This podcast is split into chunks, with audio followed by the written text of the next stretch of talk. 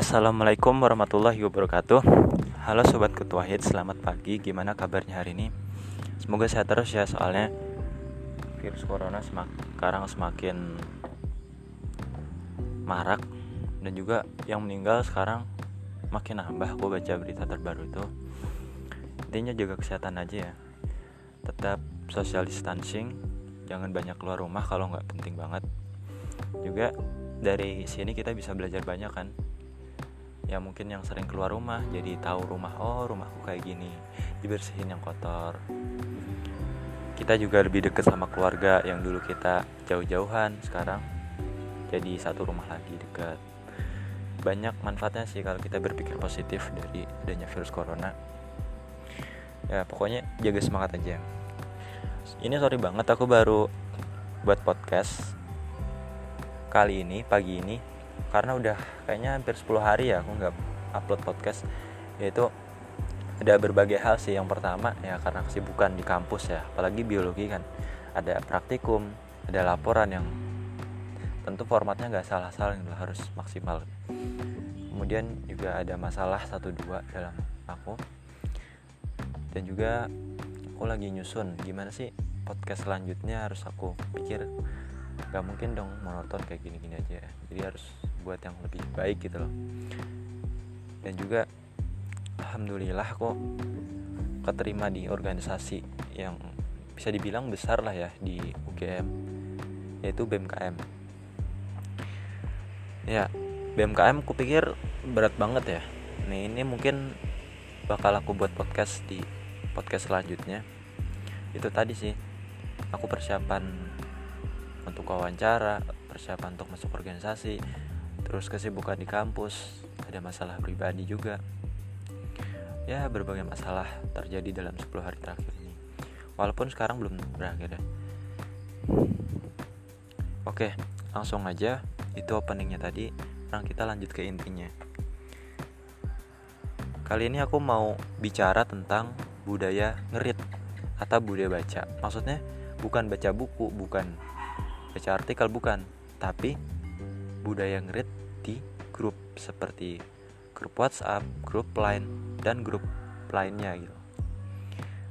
Maksudnya adalah budaya ngerit ini di mana ketika ada suatu hal yang perlu dibahas hanya satu atau dua orang atau beberapa orang yang aktif gitu aktif ngechat aktif bicara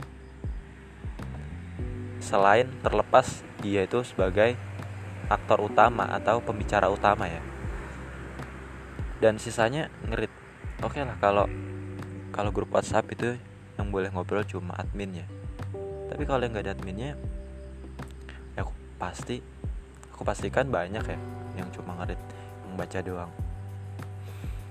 Ya enggak ini kan fenomena yang cukup miris ya kalau di kalangan nggak cuma remaja ya. Bahkan anak-anak pun sekarang udah megang WhatsApp Line dan juga lansia jadi pokoknya semua umur yang udah kenal teknologi termasuk WhatsApp. Tapi kali ini aku cuma bahas bahas WhatsApp aja. Line juga sepertinya sama kan sistemnya. Ya intinya gitu. Ada orang yang aktif tapi cuma sedikit tapi yang ngerit banyak. Why? Kenapa gitu? Kan berpendapat sendiri nggak dilarang. Bahkan bukan wajib sih dihimbau untuk berpendapat gitu. Bukan apa-apa yang latih kita berpendapat aja. Toh berpendapat itu halal kan nggak haram. Apa karena ini? Takut dihujat takut dihina atau takut dibawa ke meja hukum? Nggak semudah itu. Kalau kita berpendapat salah ya diperbaiki gitu loh nggak langsung kita berpendapat salah langsung di meja hukum. Nggak semudah itu. Nah efeknya apa sih? Apa nggak ada efeknya? Tentu ada. Nah kalau dari pembicara sendiri pembicara itu kan beda-beda ya karakternya. Ada yang sensitif ada yang biasa aja. Ada yang humble ada yang it's okay kalau cuma ngerit lapang dada. Nah kalau aku sendiri pernah tuh aku mengalami tiga karakter itu. Waktu aku dulu itu aku ya ketika dia ngerit biasa aja. Dan aku juga dulu pernah jadi reader reader sejati. Ketika ada orang ngechat ya aku baca-baca aja. Bahkan hanya selintas lalu. Hanya buka terus keluar lagi. Nah itu proses sih. Terus aku juga bertahap mulai memberi komentar sedikit demi sedikit. Hingga saat ini aku mulai aktif memberikan komentar itu prosesnya lama sih untuk bisa jadi aktif itu. Seiring berjalan pemahaman kita terhadap budaya menghargai orang lain. Nah kembali lagi ke efek pembicara. Pembicara itu beda-beda. Ada yang sensitif ada yang biasa aja ada yang humble. Nah ya kalau kita ngerit yang bicara itu orangnya biasa aja. It's okay gitu. Apalagi yang lapang dada. Humble banget kan. Tapi masalahnya kalau kita ngerit tapi yang bicara itu orang yang sensitif maksudnya gimana ya orang sensitif gini. Setiap dia ngechat atau bicara dia pengennya dibalas terus dibalas terus. Kalau nggak dibalas dia bakal apa ya katakanlah menghujat lah katakanlah. Bakal marah bakal pokoknya bakal ngamuk lah istilahnya. Nggak terima gitu kalau cuma dirit. Karena bisa aja dia lingkungannya apa ya penuh dengan pendapat penuh dengan komentar aktif rajin. Tapi ketika dihadapkan di suatu grup kok grupnya diam kok grupnya sepi. Pada anggotanya ratusan terlepas kita nggak tahu ya apa masalah si readernya ini. Nah itu tadi efek dari pembicara. Nah sekarang efek dari si pembaca sendiri nih. Efeknya lebih bahaya lagi nih. Ya mungkin pembaca punya prinsip gini. Diam lebih baik daripada berpendapat gitu ya enggak? Ya itu bagus. Diam lebih baik daripada walaupun hasilnya tuh diam lebih baik daripada berkata kotor. Nah posisinya kan di sini kita nggak tahu ya mana pendapat kita salah atau benar. Ya nggak kalau kita tahu salah benar emang kita malaikat emang kita Tuhan. Dan kita tuh harus hargai orang gitu karena kita juga nggak punya hak kan buat menjudge orang eh pendapat kamu ini salah pendapat kamu ini benar. Yang bagus itu pendapat kamu mungkin ada benarnya tapi pendapatku seperti ini. Ada kombinasi nggak? Ada titik temu nggak? Kan gitu lebih enak ya daripada cuma di read aja nggak ada komentar. Misalnya aku sebagai pembicara membahas suatu topik aku udah panjang lebar jelas ini eh cuma di read. Lantas aku sebagai pembicara kan bingung ini readernya paham gak ya? Kok nggak komentar kok nggak berpendapat? Apakah ada yang salah denganku? Ada yang salah dengan bahasaku kan saya sendiri sebagai pembicara juga nggak tahu kan benar apa salah. Dan reader sendiri kalau nggak berpendapat dia juga kena kan efeknya. Maksudnya dia juga bingung akan informasi. Kalau bingung nggak tanya ya bakal saat di jalan. Dan banyak fenomena yang sekarang malu bertanya saat di jalan banyak jadi kita harus belajar lah mulai dari sekarang mulai dari dini. Efek jangka pendeknya mungkin itu tadi ya sesat di jalan. Ketika ada satu hal ketika dijelasin di grup briefing di grup tapi ketika di lapangan bingung tanya lagi. Itu kan buat kesal sendiri kan. Nah terus sama ini nih. Kalau orang nggak literasinya bagus cuma read read aja read lintas lalu ya dia bakal ketika ada yang dibutuhin mendesak dia bakal tanya lagi tanya lagi tanya lagi. Pertanyaan yang sama itu kan buat orang agak gimana gitu ya. Agak cukup merepotkan gitu. Nah itu tadi pentingnya read sama komen. Penting banget itu. Terus efek jangka panjangnya itu ya renggangnya hubungan sosial. Aku pernah tuh menghadapi grup ya. Misalkan ada suatu kelas kelas bahasa nih. Itu kami ada grup WA itu cuma aktif ketika ya selama kelas bahasa itu. Kalau ada tugas bisa. Ada tugas di share apa pun di share tapi setelah sekian bulan sekian tahun satu persatu meninggalkan grup. Why? Kenapa ini? Kan apalagi kalau bukan budaya tadi. Ya kan? Ini salah satu renggangnya hubungan sosial. Tapi bukan satu-satunya alasan ya.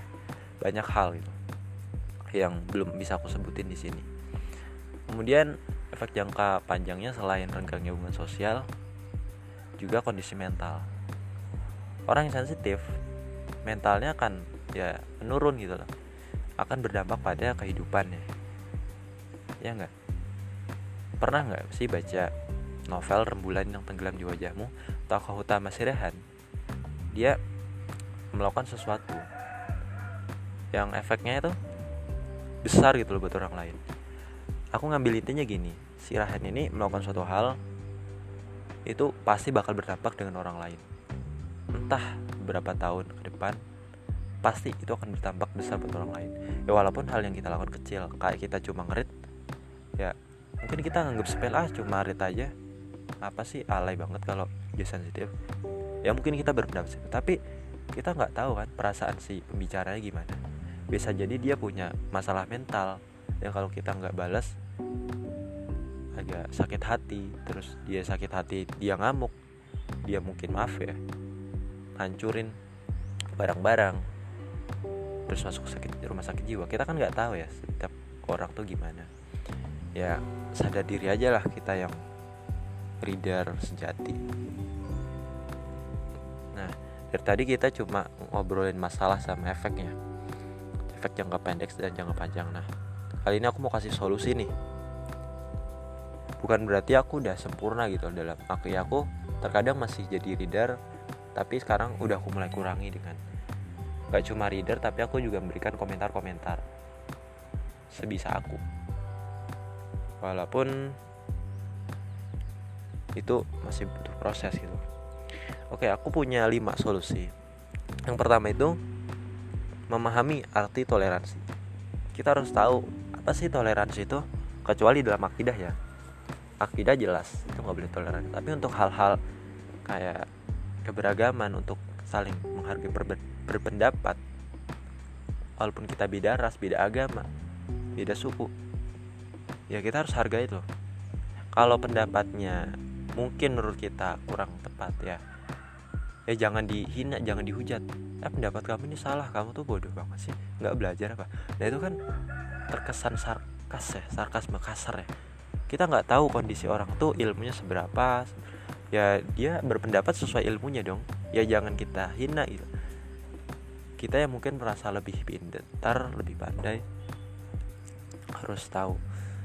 Bisa diganti gini pendapatmu bagus tapi aku punya pendapat ini menurut kamu gimana? Jadi kita ajak kompromi gitu supaya dia paham. Dan juga mendapat kesan oh pendapat saya dihargai. Oh pendapat saya diakui gitu didengar. Dan saya it's okay. Oh berarti saya kurang ini. Gitu jadi kan enak gitu loh. Apalagi kalau cuma diri kan kita nggak tahu pendapat mana pendapat yang mana yang benar mana yang salah. Itu tadi toleransi itu membawa kebahagiaan. Nah kemudian solusi kedua itu berani berpendapat mulai dari sekarang berpendapat itu kan udah diatur ya dalam undang-undang dasar 1945 kalau udah dijamin kenapa kita harus ragu gitu? Dalam kitab suci juga dianjurkan kan selain menghargai kita juga untuk berpendapat gitu. Ya berpendapat aja yang netral. Ya kalau kita nggak tahu salah benar ya berpendapat aja gitu loh. Dengan bahasa yang sopan gitu. Kalau misal kita nggak tahu ya tanya dengan bahasa yang sopan sekali lagi. Itu berarti berpendapat karena udah dijamin undang-undang udah dijamin etika norma dan bahkan kitab suci gitu. Kemudian yang ketiga pahami etika berpendapat. Banyak orang yang misal ya netizen itu aku sering komen komen itu maaf ya kurang beretika gitu. Dia menggunakan kata-kata sarkas kata-kata yang sinis masa bodoh atau mengejek menghina. Merasa dirinya paling pintar. Merasa dirinya paling benar. Nah, sering itu fenomena kayak gitu. Apalagi orang cuma ngerit tiba-tiba komen tanpa dipahami dulu. Nah itu kan maaf ya kurang etika. Bukan berarti aku udah paham etika tapi aku di sini juga masih belajar. Jadi etika berpendapat tuh gini kalau menurut aku. Ketika ada orang chat misalkan ya kita baca dulu paham. Apa sih maksudnya kita ambil intinya terus kita kasih komen nih. Kalau kita bingung tanya. Kalau ada itu kurang tepat informasinya ya. Kita komen. Seperti ini loh yang yang saya dapat. Gimana menurut kamu? Kan gitu. Itu. Tentu dengan bahasa yang halus. Sama etika chat sama orang lain ya. Apalagi orang belum dikenal dan kita butuh bantuan. Apalagi sama dosen sama orang tua sama yang lebih tua dan juga yang lebih muda. Jangan sampai ketika kita salah mengucapkan mengetik kata atau mengucapkan kata itu membuat dampak yang lebih besar. Jangan sepelekan loh satu kata tuh bisa berpengaruh besar buat hidup kita. Ya tetap jaga etika misalkan dengan salam assalamualaikum terus maaf mengganggu waktunya terus perkenalan diri ya kan. Baru langsung to the point nih. To the point tanya apa butuh konfirmasi apa langsung terima kasih. Itu sih biasanya kalau aku ngechat orang lebih tua atau yang lebih muda dan butuh bantuan. Kemudian juga pahami perasaan sih kondisi pembicara gitu. Berpendapat juga harus sesuai pembicaranya. Kalau pembicara itu anak kecil kita komen ya sesuai bahasa yang dia pahami. Kalau kita komen pendapat ahli ya kita juga harus pahami juga chat dengan bahasa yang sesuai gitu loh. Kemudian yang keempat konsisten dalam memberikan pendapat. Ya jangan hari ini berpendapat aktif. Eh besok jadi leader sejati eh besok lagi diem. Besok lagi aktif lagi besok. Ya kita konsisten aja walaupun cuma satu kali dua kali komentar is oke okay. Asalkan itu konsisten gitu. Dan grup itu kan gak ada habisnya ya. Ada aja grup. Minimal dua lah kita punya grup gitu kan. Jadi konsisten aja berpendapat. Sesuatu yang konsisten itu lebih baik dibanding melakukan hal yang banyak tapi jarang nah yang kelima nih mulai berbicara yang baik dan saling memotivasi, saling mengingatkan. Nah, ini menurut aku udah tahapan paling tinggi di mana kita tuh udah tahu mana yang baik, mana yang salah dan kita bakal membicarakan yang baik-baik dan itu bisa saling memotivasi, saling inspirasi. Bisa memberikan quotes, berikan pengalaman, sharing-sharing. Ini loh pengalaman gue gini, diberikan hikmahnya. Terus memberikan nasihat agama atau tips-tips sukses tips-tips dalam hidup gitu itu kan memberikan motivasi memberikan ilmu pengetahuan nah itu tahap komentar membicarakan hal-hal baik kemudian memberikan klarifikasi atas suatu berita apakah itu hoax atau itu benar terus menjawab permasalahan orang yang mungkin lagi dilanda masalah kita jawab ya dia malah jadi semakin baik gitu nah, itu itu aja sih tips dari aku 5 gimana mengatasi budaya irit. Semoga bermanfaat. Nantikan podcast selanjutnya.